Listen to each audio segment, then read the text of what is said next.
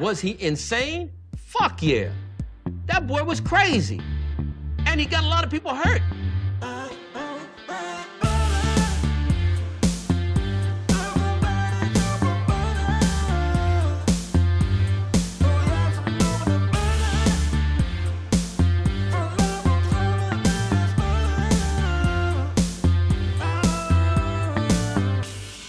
Like butter. I fucking love butter.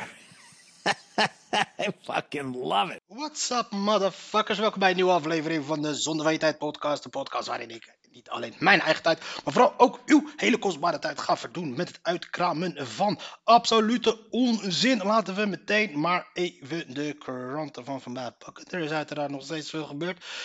De, pardon, de oorlog in de Oekraïne is nog steeds bezig.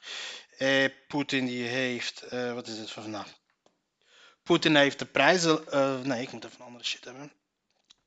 Poetin heeft de graantoevoer gestopt. Dus mensen, sla alles in wat je in kan slaan op dit moment. Want prijzen worden duurder. Alles gaat duurder en duurder en duurder en duurder en duurder en duurder en duurder. In de tussentijd ben ik aan het zoeken naar mijn krant app hier te zien.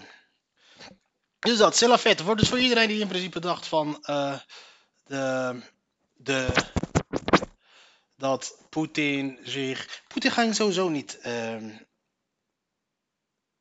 niet veel gebeuren. Oké, laten we even kijken. Wat hebben we het laatste dag? Wat drie jongens in Leiden opgepakt voor steken 16-jarigen. Politiek, politie laat niet veel los om onderzoek niet te schaden. Oké. Woningoverval door meerdere daders in Leiden. Gaat lekker hier in de 071, man. Het is hier allemaal aan het gebeuren. Weet je wat? We pakken eerst gewoon even de krant bij. Eh, het is 31 oktober, vandaag de laatste dag van het jaar en aflevering 141. We zijn hard op weg om die aflevering 200 te gaan halen aan het einde van het jaar. Koet, kikoet, kukoet. Gaan we hem halen, die motherfucker, want hij moet gewoon gehaald worden. Waarom? Weet ik niet. Het is een eigen dingetje, het is een eigen project. Je moet jezelf gewoon bezighouden continu de hele tijd. Ehm, de voorpagina. PSV draait warm cruciale weekenden op komst.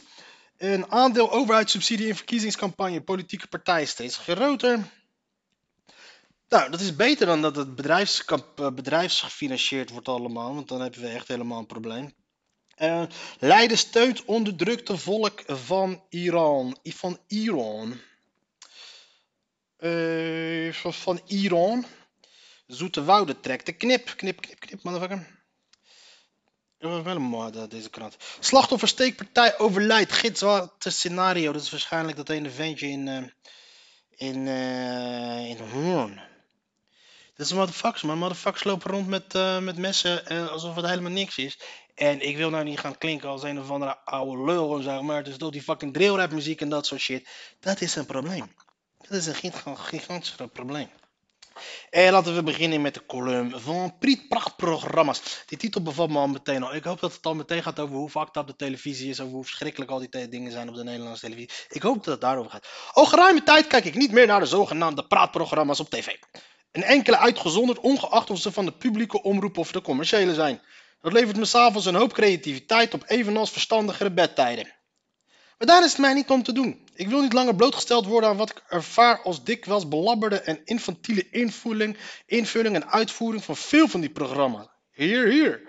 Geadverteerd als talkshows blijkt de voornaamste activiteit het ondervraagd worden door hosts van gasten aan tafel die verondersteld worden de gestelde vragen te beantwoorden en daarover niet met enige diepgang met elkaar in gesprek of dialoog te gaan. Een aanzienlijk deel daarvan zijn vaste gasten, of voor zover niet vast, toch dikwijls ook in andere programma's optreden. De talkshows is daarmee in feite intiltelevisie, waarmee het vrijwel nooit voorkomt dat de ene gast de ander echt inhoudelijk aan de tand voelt en waar ook de hosts vrijwel altijd gespaard worden. Ik heb nog nooit gehoord, hoewel daar vaak alle reden toe is, wat is, daar nou, wat is dat nou voor een maffe vraag? Dat is wel dat is wel de serieuze vraag. Maar dat zijn die mensen die daar komen, die willen daar komen, want ze hebben die... eh, ze hebben het nodig. Ze hebben die tafel nodig om voor hun, eh, deels misschien voor hun bottom line, eh, sowieso hun ego, sowieso. Dus ze moeten terugkomen. Dus ze zullen nooit echt tegen die tafelpoten aanschoppen. En vice versa weer ook weer niet. En ehm, dus het is allemaal. En, en je wordt ermee doodgegooid van half acht tot aan. Hoeveel talkshows heb je? Je hebt, eh, je hebt er eentje om, bij, bij Max heb je een talkshow. Je hebt, bij, je hebt Galite Sofie is een talkshow. Je hebt op één. Je hebt. Die half acht en je hebt dan vandaag Inside. Dat zijn veel veel talkshows. En er komt er telkens wel weer eentje bij. De talkshow is een plaats in de woorden van Joachim Bodamer in zijn prachtige boek De Psychologie van de Hedendaagse Man. Waar iedereen in het fluidum van de tevredenheid met zichzelf niet ophoudt te betogen dat hij het bij het rechte eind heeft en juist handelt. En waar de leuze van de dag als hoogste wereldwijsheid geldt. Ja. Vandaar die beginvraag in veel programma's. Wat is jouw nieuws van de dag? Terwijl, terwijl de veel interessantere vraag is: wat is er volgens jou niet in het nieuws vandaag? Dat is een hele goede vraag. Maar dat is het weer. Wat is jouw nieuws van de dag? Daar beginnen al die programma's beginnen daar allemaal mee. Ik vraag me af waar dat vandaan komt eigenlijk. Is dat misschien dan meteen om die gesprekken een beetje een soort van gaande te houden, dan toch alsnog toch nog een beetje de actualiteit erbij te hebben? En je vult er uiteindelijk toch nog wel al gauw weer een minuutje of tien mee. Die filosoof Heidegger was de eerste die onze hedendaagse cultuur als praatcultuur bestempelde en wel in de meest oorspronkelijke betekenis van praten. Dat een afgeleide is van de Engelse to prate, dat wauwelen betekent. Het is eigenaardig, al dus Bodamer over Heideggers cultuurtypering. Dat de mens nog nooit zo uitvoerig, grondig en snel over van alles wordt ingelicht, maar blijkbaar zijn het juist die overvloed aan gegevens en de behoefte zoveel mogelijk van alles op de hoogte te zijn, die een zelfstandige denken en een echte dialoog praktisch onmogelijk maken. Met de komst van de sociale media is dat er niet beter op geworden. En de term smartphone is wel het toppunt van cynisme, want in plaats van smartness eh, een bron van infantili- in- infantilisme. Wie is deze guy? René Dijkstra. Ah, Oké, wie is deze René Dijkstra? Even checken wat deze man doet. Hij is een, hij is een smart guy, hij is een psycholoog. Eh, Snakes bewerkte suicide in adolescence. Dijkstra is Nederlands psycholoog, auteur, columnist en amateurhistoricus. Oké. Hij lijkt op, eh hoe heet die in de gozer ook weer? Het gepraat waar Heidegger het over heeft is het totaal van alles dat men voortdurend uitkraamt en in om staat te zijn alle, allemaal maar klakkeloos te aanvaarden, moet men wel haast infantiel zijn. Het gepraat is de mogelijkheid om alles aan te grijpen zonder het te verwerken. Dat ontslaat ons niet alleen van de taak om werkelijk te begrijpen, maar creëert ook een onverschillige onbegrijpelijkheid waarvoor niets meer toegankelijk is. Over alles, inclusief de meest maffe complottheorieën, mag en zal gewauwerd worden. Een verrassende tegengif daartoe lijken de komisch bedoelde talkshows zoals Lubach. Volgens mijn omgeving leveren die nog de meeste diepgang en de minste prietpraat of lege intellectuele calorieën. We gaan het zien. Oké, die René Dijkstra is wel funny. Vooral Lubach, man. Lubach, eh, Lubach is de laatste tijd niet zo fucking denderend. Ik ben niet zo tevreden. eh, niet zo tevreden. Het maakt in principe niet zo veel uit wat ik wel of niet ervan vind. Maar het is wel, je merkt wel op een gegeven moment, nu had hij Slaaf had hij een programma over padel. Over de invloed van padel op de samenleving. En over dat onwijs populair is. En dat er nu dus overal padelbanen komen. En ehm, dat was dan iets negatiefs of zo. En ik snapte niet waar hij in principe naartoe zou gaan met die hele skit. En ging hij het dan afkraken omdat het dan te makkelijk zou zijn. En het is te laagdrempelig, et cetera. En ik denk van waar de fuck heb jij het eigenlijk over Arjen Lubach? Je hebt het over, dus over een sport. En dan maak je dan weer een van je beroemde filmpjes ja, die niet echt super grappig zijn. En toen dacht ik bij mezelf, ja natuurlijk, je bent nu overgegaan van wekelijks programma naar elke dag vier keer per week programma. En, ja, en het, het wordt, je, hebt op een gegeven moment heb je alle onderwerpen al besproken. En je hebt alle gasten heb je al gehad. Als je nu ziet wat voor gasten die allemaal krijgt. Ik weet niet wie die laatste had, maar ik denk bij mezelf, wie zit daar op te wachten? Even kijken hoor, waar is onze goede vriend van de avondshow? Eh wie had die? Eh Rosemarijn Wind, Jeroen Snelders, Brainpower. Oké, ja, weet ik veel. Ja, maar ja, ja, het, Nederland is te klein voor zo'n concept. Nederland is te... eh, of hij moet sowieso beter... Het, volgens mij draait het als een tierenlier. Volgens mij, ik denk dat het gewoon een, een badderdingetje is. Maar je merkt wel dat hij wel moeite heeft met originele invalshoeken, met, eh, met, ehm, om met, dat, die hele bit over padel ging gewoon op een gegeven moment nergens over. En daarna gaat het, wordt wel steeds belerender, want eh, daarna had hij het over, eh, over zuivel. Het wordt wel telkens belerender en belerender en belerender. Ik denk op een gegeven moment, ik denk dat, hij op, dat er een punt gaat komen dat hij uit de creativiteit is, dat er op een gegeven moment niks meer grappig over te maken is, dat hij dan ons letterlijk denk ik de les wil gaan lezen. Prima ik moet er ook mee stoppen naar me kijken. Ik zat er op vakantie mee te kijken en ik, het was iets gebeurd. Dus ik zei toen tegen, tegen iemand van, joh, luister, hier hadden wij het toch gisteren over. Toen zei die gast tegen mij van, joh, ben, jij op je vakantie naar Arjen Lubach aan het kijken? Ik dacht, waarom zit ik op mijn fucking... Shout-out naar Sesgame. Ik dacht, what the fuck zit ik op mijn fucking vakantie naar Arjen Lubach te kijken? Waar de fuck gaat dit over? Ah, fijn. Nee, meer dan waar deze podcast over gaat, maar klopt. Uh, uiteraard hebben we natuurlijk de Halloween-ramp in Seoul. 153 jongeren dood. Dat is iets waar ik niet weet waar ik, over grapjes over ging maken. Ze gingen, ik zag wel interviews op televisie en op een of andere gekke manier kregen ze het voor elkaar om alleen maar witte, om Amerikanen voor de, voor de, voor de camera te krijgen om daarover te gaan praten. Zitten er alleen Ameri Amerikanen in Korea? Er zitten wel een hoop Amerikanen in Korea, dat weet ik wel. En het is, uh, ja, dit soort berichten zijn geen berichten waar je echt uh, uh, commentaar bij kan geven. Weet je, van ja, ik vind dit, ik vind dat. Het is gewoon een fucked up situatie die er op dit moment gaande is. En meer kun je er eigenlijk allemaal niet van maken. Ik durf dat ding niet weg te halen. Um, fijn. Lula stevend af op nip de winst bij de verkiezingen in Brazilië. En uh, ik ben nu aan het kijken. De Bolsonaro heeft dus nog steeds niet gereageerd op het nieuws. Dus ik weet niet wat de fuck zijn probleem is. Volgens mij hebben wel uh, de uh, bondgenoten van hem hebben zich wel al de uitslagen erkend. En ehm, dus een, een soort van Trump-scenario, dat alles en iedereen om Trump heen uh, meeging met, de, met die onzin van hem dat het allemaal gestolen was, dat het allemaal gejat was, dat zoals je die verkiezingen gefraudeerd waren. Uh, die vlieger gaat nu op dit moment niet op. En volgens mij was het ook in Brazilië, als ik de correspondent wat ik heb gezien bij Al Jazeera Nieuws en zo. De mensen daar die zijn niet zo wantrouwig als, als in Amerika. Volgens mij hebben de meeste mensen zich wel een soort van neergelegd bij de, bij de, bij de, bij die uitslag. Maar dan moeten we nog maar gaan zien. Het is een gigantisch groot land en het is gek. Ik ga even nog even één keer kijken. Bolsonaro. Heeft hij al wat gezegd? Uh, tools.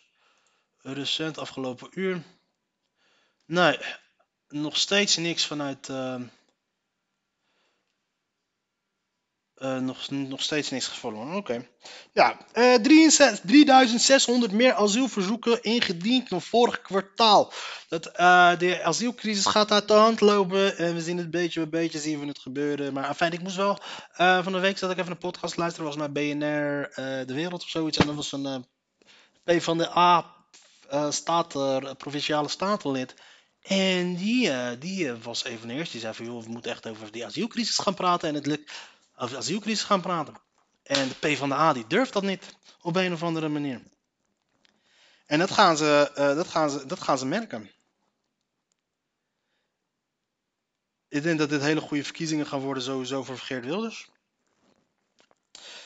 Um, Rusland torpedeert de deal over de export van graan. Want dat komt natuurlijk. Uh, uh, er is weer een vlaggenschip van de, van de Russische Zwarte Zeevloot is weer naar beneden gehaald. Of niet, hij is niet zeker naar beneden gehaald, maar hij is aangevallen. En als reactie daarop willen, willen de Russen dus die graandeal die ze hadden gesloten met Turkije, dat ze die op gaan schorten. Dus er komen geen uh, graanschepen dat die weer de wereld ingaan, zodat ze graan kunnen gaan delen met de wereld. En um, vandaag had ik iets uh, interessants um, filmpje gezien op, op YouTube. Um, over het, de langdurige gevolgen van de oorlog voor, uh, voor, voor Rusland. En wat vorige oorlogen ook gehad op, hadden op Rusland. Rusland heeft op dit moment een gigantische bevolkingsprobleem. Als in dat de bevolking is aan het afnemen. En met elke oorlog weer gebeurt het steeds vaker en vaker en vaker. En het is dus ook het geval zo dat de 21ste, de 20ste eeuw was voor de Sovjet-Unie. Rusland was een hele bloedige, bloedige oorlog. En de grootste klap die ze dus hebben geleven, hadden opgelopen was dus tijdens het, uh, de, de Tweede Wereldoorlog. Waarin er meer dan 25 miljoen mensen, mannen, 20 miljoen mannen zijn gestorven. En um, dat heeft op de lange termijn heeft dat uiteindelijk heel veel invloed gehad op de bevolkingsgroei van, uh, van Rusland. Want ze hadden, in, uh, niet zo, ze, ze hadden er 150 en ze zijn nu afgezakt naar 140. En er komt er nu dus ook nog eens bij dat 800.000 mannen zijn gevlucht sinds het uitbreken van dit conflict. En het gaan er steeds waarschijnlijk ook meer meer worden. 800.000. En die 800.000 plus die 70.000 die ze hebben meegerekend, die, eh, die, ehm, die zijn gestorven in de Oekraïne, dat komt neer dus op 3% van alle mannen tussen de 16 en de, 29, en, en de 49 jaar op dit moment in Rusland. En die worden weggetrokken. En vooral als je nagaat dan de 800.000 die zijn gevlucht. Dat zijn een beetje de slimmere mensen. Dat zijn de mensen die met de diploma's. Dat zijn, er komt een letterlijke brain drain die er is. Maar de meest interessante wat ik dus had gehoord. Was dus eh, 1923. Moet je opletten hoe desastreus de fucking Tweede Wereldoorlog was voor Rusland. 1923. 19, alle jongens die in de Sovjet, in Rusland, in de Sovjet-Unie zijn geboren, de Sovjet-Unie of Rusland zijn geboren in 1923. In 1946, dus toen die 23 waren, twee derde daarvan was dood. Twee derde daarvan was dood. Moet je nagaan.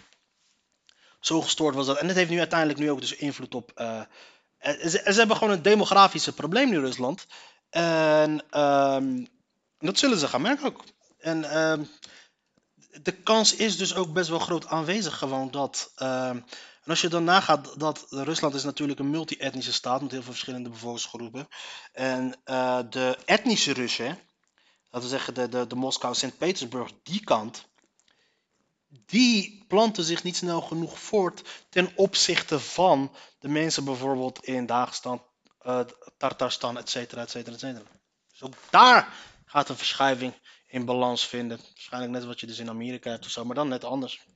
En eh, uiteindelijk zal het dus op lange termijn zal deze, eh, kan dit een prelude zijn van het einde van Rusland. Maar Oekraïne heeft dus hetzelfde verhaal. Want Oekraïne heeft ook te maken sinds 1992, toen ze 50 miljoen mensen hadden, zitten er nu op 40, waarvan er dus 7,5 zijn, 7,5 zijn geëmigreerd en 9 miljoen zitten dus aan die Donbass-kant zij, zitten die pas, die zijn dus dan zogenaamd geannexeerd door de Russen. Het is een één grote shitshow die op de lange termijn gigantische gevolgen kan hebben voor beide landen, maar vooral voor Rusland.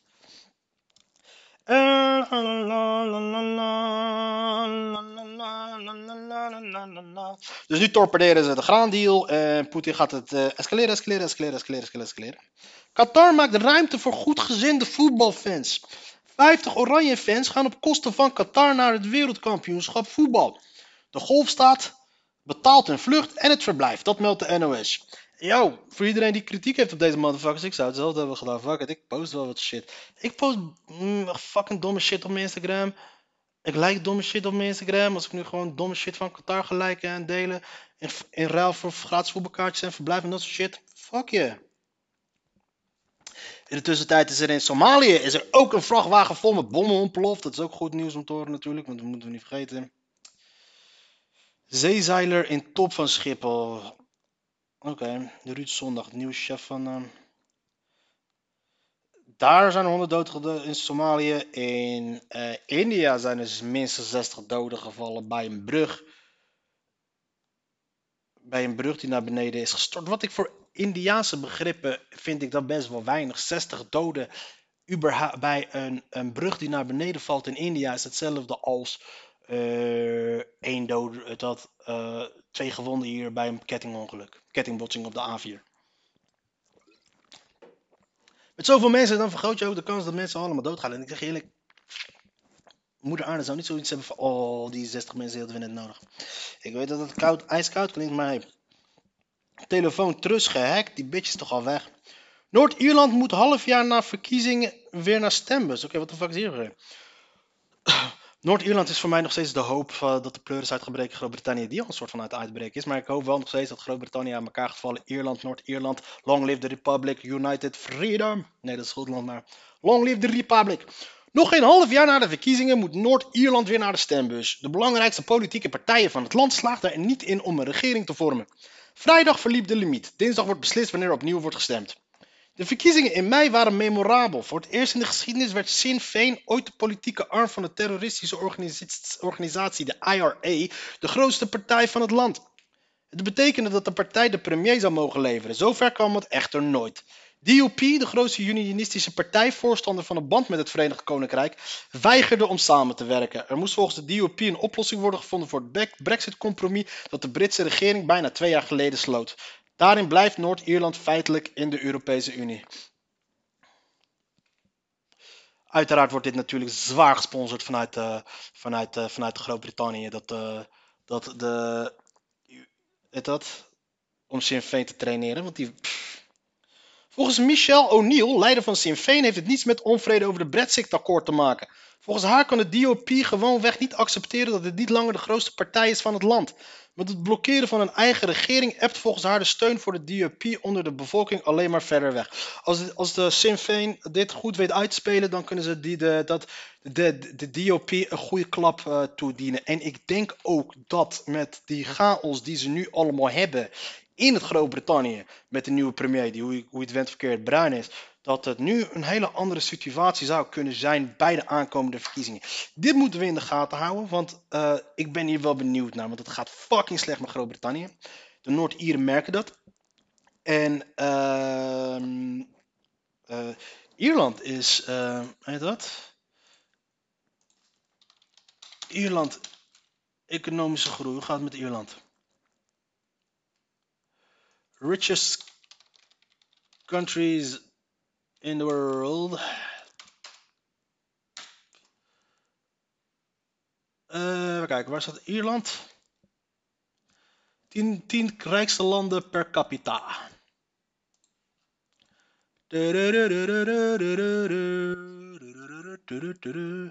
Ja.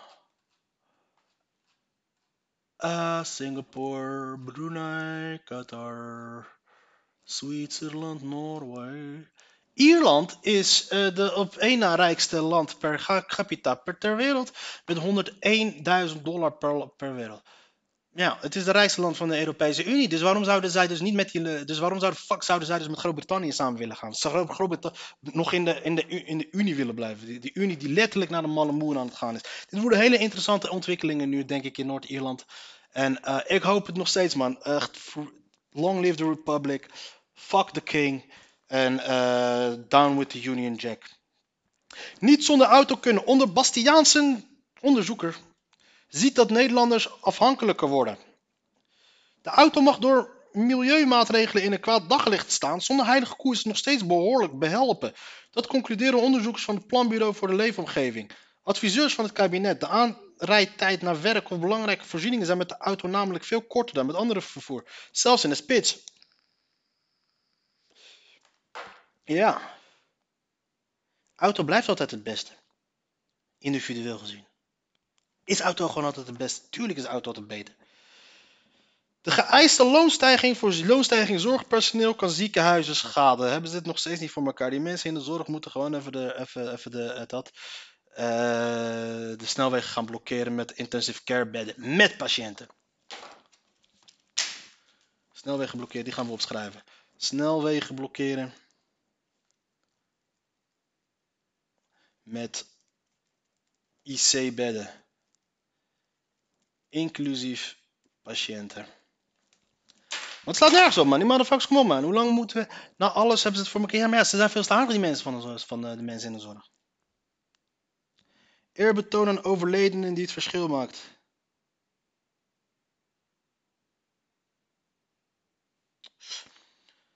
Tweede seizoen bejubelde de White Lotus van start. Commentaar op rijkdom. I don't give a fuck about this shit. Jij?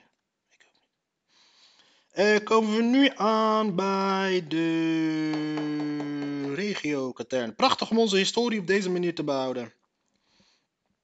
Wat wouden ze Rembrandt ontvoeren? We wonen hier aan de Morskade op een paradijsje. Griekse tragedies gaan over dictators als Poetin. Ja? Niet over incestueuze goden en godinnen?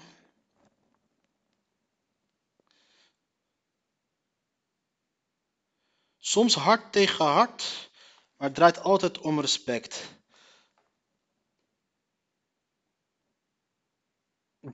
Blijf dat linkerbeen pakken, klinkt het vanuit het publiek. Let op het laag op de buik, roept een ander. Champ Sinno, organisator van het Pro Karate Gala, is bezig aan een van de 24 gevechten zaterdagavond plaatsvindt in Skum Katwijk.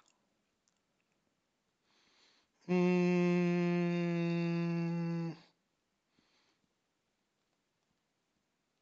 Oké. Okay. Oh ja. Jutte, jutte, jutte, jutte, Leerdam. Geen cadeautjes aan thuisfavoriet. Mark, uh, Max Verstappen die heeft gisteren uiteraard weer gewonnen. Hij heeft nu 14 van de 20 gewonnen. Dat is. hij heeft de meeste GP's nu gewonnen per jaar. Op tweede komt eh, Schumacher, die heeft er 13, maar die had het toen gewonnen toen er nog 18 waren. En nu zijn het er 22. Dus Max moet dus de komende twee winnen. En dan eh, wint hij het met een half procent meer percentueel gezien de meeste. eh, heeft hij de 16 van de 22. Dat is helemaal kierenwiet. Wereldkampioen Max Verstappen boycott Britse zendgemachtigden. Fuck it, Max mag doen en laten wat hij wil, man. Dus eh, mensen moeten niet gaan lopen tegen Max lopen zeggen. Eh, zwarte episode afgesloten. Nou, het nieuws van de dag is eigenlijk, althans het nieuws van de dag is toch wel een soort van... El Ghazi wil nu opeens weer voor Marokko komen spelen. En heel veel Marokkanen hebben denken, oh, nu wil je weer voor Marokko komen spelen. Omdat ze naar het WK gaan, heb je nu allemaal weer praatjes. Wil je er allemaal weer bij horen. En, eh, en ik heb zoiets van, joh, als je er drie prikt op het WK, denk ik... zeg ik, joh, maar heb, heb ik, motherfucker. Ik bedoel, wat moet het dan? Het hoeft allemaal niet. Nog steeds schaats shit. Ehm... Rico had zijn boxgala met entertainment, met alles erop en eraan. Dat heeft hij heel slim gedaan. Hij heeft, denk ik, hij heeft, eh, Rico Verhoeven heeft nu zijn eigen organisatie, waarin hij dus niet eh, eh, wereld, voor wereldkampioenschap vecht, maar er is gewoon één hoofdgevecht. Dat was hij dus tegen Gerges. En dan ehm, had je dus, daaronder had je dan Michael Boger tegen, tegen die dansflikker van American, eh, eh, hoe, So You Think You Can Dance of zoiets, dat soort shit. En dat soort dingen en optredens van Jan Dino en dat soort shit. Heel leuk, entertainment, gaaf. Het is heel slim wat hij dat heeft gedaan. Eh, door te winnen van Hesdy Gerges tijdens de eerste editie van Hit It, luisterde Rico Verhoeven zelf zijn eigen sport- en entertainment show op. Vervolgde de King of Kickboxing de hele week op weg naar het evenement met gevechten en optreden. Ja, de King of Kickbo hij is de King of Kickboxing zoals Willem-Alexander nu echt de koning is. Ja, het echt niet zoveel dat je nu de King of Kickboxing bent. Met alle respect voor, eh, voor, eh, voor, eh, voor, dat, voor Rico Verhoeven. Het is zijn tijd, maar we kunnen echt niet gaan lopen zeggen dat hij, dat hij enigszins... Hij, heeft het, hij, is, hij, is, hij, is drie, hij is twee keer neergeslagen door een, door een over de top Badr Hari, terwijl hij in zijn top zat. Dus laten we dat alsjeblieft niet vergeten. Maar ik ben echt, ik ben echt blij dat Max Verstappen nu zo'n wereldkampioen is aan het worden. Shit is. En dat die hype van Rico voorbij is. Dat ik niet continu moet aanhoren over hoe dat Rico Verhoeven de allerbeste kickboxer is alle tijden. En dat soort shit. Flikker even op met die praatjes. Want dat is eh, onzin. Eh, Edwin Grunhol, Grunholz loopt in zijn afscheidsjaar periodetitel mis met Quickboys. Hij gaat toch weg ook, Edwin Grunholz bij, Quick- bij Quickboys. Ik vind het mooi geweest. Routinier Mark Langeveld is bezig aan zijn afscheidstoernooi bij Mark 68. De Gedune mengt zich in de strijd voorop. Roak is blij met het punt. Ja, dit is echt puur... We glijden ook af qua niveau van voetbal eh, die we bespreken. En eh, ja, laten we even kijken. Eh, we gaan... ehm, oh ja, wat wist je nog? Op de valreep! Op de valreep! Op de valreep is een... oh ja, dat was ook een dingetje die ik had. Oké. ehm, op de valreep... Oh shit. Ik denk al, dan zit hier gewoon een lul. In de mond van een of andere chick, terwijl ik... Ik zat, oh ik zat natuurlijk in het eh, shit kijken. nou, eh Mohamed I- Iatare gaat dus terug naar Juventus. Eh Ajax gaat zijn koopoptie niet lichten. Vrij logisch, vrij normaal. Die arme jongen, arme jongen, die het is... eh, eh, ja, wat moeten we ervan zeggen? Die gozer die heeft het, eh, het zat hem allemaal niet mee. Ik weet niet precies, ik kan er niet over oordelen. Maar eh, Ajax had een slimme, had een, eh, had, een, had een gokje kunnen wagen erop. Heeft het gedaan, is niet gelukt. Had goed kunnen uitpakken, had het goed voor elkaar. Maar eh, het is niet gelukt, je gokt, je mist. Maar eh, dit, is nog dit is dan nog wel de slecht. Dit is dan de minst slechte investering die ze dit jaar hebben gedaan daar in Amsterdam. Want ze hebben er een hoop gedaan. Ga stemmen. Arabische kiezers kunnen verkiezingen in Israël beslissen. Oké. We moeten stemmen. Het is een heldere boodschap die Mounia en Esra meedragen op hun shirts. Eh, Twee jonge vrouwen lopen met folders langs de deuren van Rahat, de Arabische stad in het zuiden van Israël. Ze proberen mensen naar de stembus te krijgen, maar dat valt niet mee, verzucht de vrijwillige Mounia al-Mansour. Mensen zijn gefrustreerd, ze willen niet meer. Begrijpelijk. Arabische kiezers, zoals de inwoners van Rahat, hebben een doorslaggevende stem bij de parlementsverkiezingen van morgen. Israël gaat dan voor de vijfde keer in vier jaar naar de stembus. Of het oud-premier, de enige democra- functionerende democratie in het Midden-Oosten, weet je nog? Is- Of het, het oud-premier Netanyahu gaat lukken om weer aan de macht te komen, dat is de grote vraag. En het antwoord ligt in handen van de Arabische kiezers van Israël. Schrijf maar op en af.